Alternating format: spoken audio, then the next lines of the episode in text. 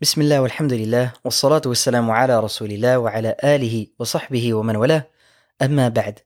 Beste luisteraars, assalamu alaikum wa rahmatullahi wa. Welkom terug bij de Ramadan Adviezen. We hebben nog een paar dagen alvorens de gezegende maand Ramadan aanbreekt. Het ideale moment dus om het te hebben over de regels die te maken hebben met het vasten. Zoals bekend in de maand Ramadan vasten wij moslims vanaf de ochtendgloren tot zonsondergang oftewel vanaf het begin van de Fajr-tijd tot aan het begin van de Maghrib-tijd. Het vaste houdt in dat we dan niks eten, niks drinken en wegblijven van andere natuurlijke lusten. Het vasten is op zichzelf al een belangrijke aanbidding binnen de islam, maar wordt tijdens de maand Ramadan nog extra beloond. Het vasten van de Ramadan is namelijk één van de vijf pilaren van ons geloof. En de meest geliefde aanbiddingen bij Allah Ta'ala zijn de aanbiddingen die verplicht zijn.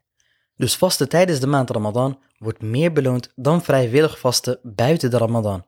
Het vasten is dus een aanbidding, waarmee wij proberen dichter tot Allah ta'ala te komen. En als iets een aanbidding is, dan betekent dat dat er regels aan verbonden zijn. Over deze regels gaan we het vandaag en de komende dagen voordat de Ramadan aanbreekt hebben.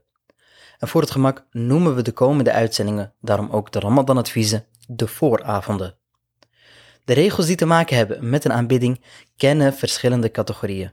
Een aanbidding kent voorwaarden, verplichtingen, aanbevolen zaken, afgeraden zaken en zaken die een aanbidding ongeldig maken. En nu vraag je je misschien af, waarom verdelen we al deze zaken in categorieën?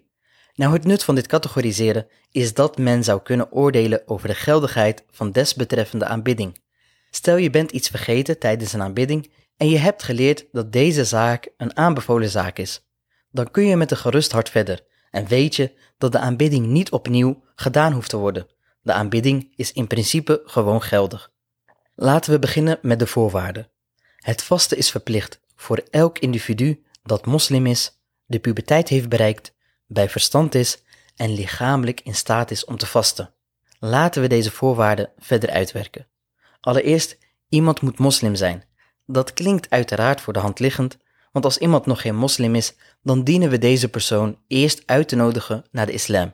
En als diegene dan moslim is geworden, oftewel toegetreden is tot de islam, dan pas vragen we aan diegene om mee te doen aan de islamitische rituelen zoals het vasten. En dit brengt ons meteen bij een vraagstuk. Wat nou als iemand moslim wordt tijdens de maand Ramadan? Moet diegene dan de gemiste dagen die al geweest zijn inhalen? Het antwoord op deze vraag is nee. Diegene hoeft het niet in te halen, want zoals we kunnen begrijpen uit deze voorwaarden, de regels gelden pas voor deze persoon vanaf het moment dat diegene moslim is. En de reden zijn dat iemand geleid wordt naar de islam is natuurlijk een van de grootste daden die een moslim zou kunnen doen in het leven. Dus probeer deze maand ook te gebruiken om wat uitnodiging of da'wah te verrichten naar degenen die nog geen moslim zijn. Morgen gaan we verder met de tweede voorwaarde en dat is dat iemand de puberteit moet hebben bereikt. Mogen Allah subhanahu wa ta'ala ons standvastig maken op zijn geloof اللهم بلغنا رمضان وصلى الله وسلم وبارك على نبينا محمد وعلى آله وصحبه أجمعين. بدانكت فورت لايسترا والسلام عليكم ورحمة الله وبركاته.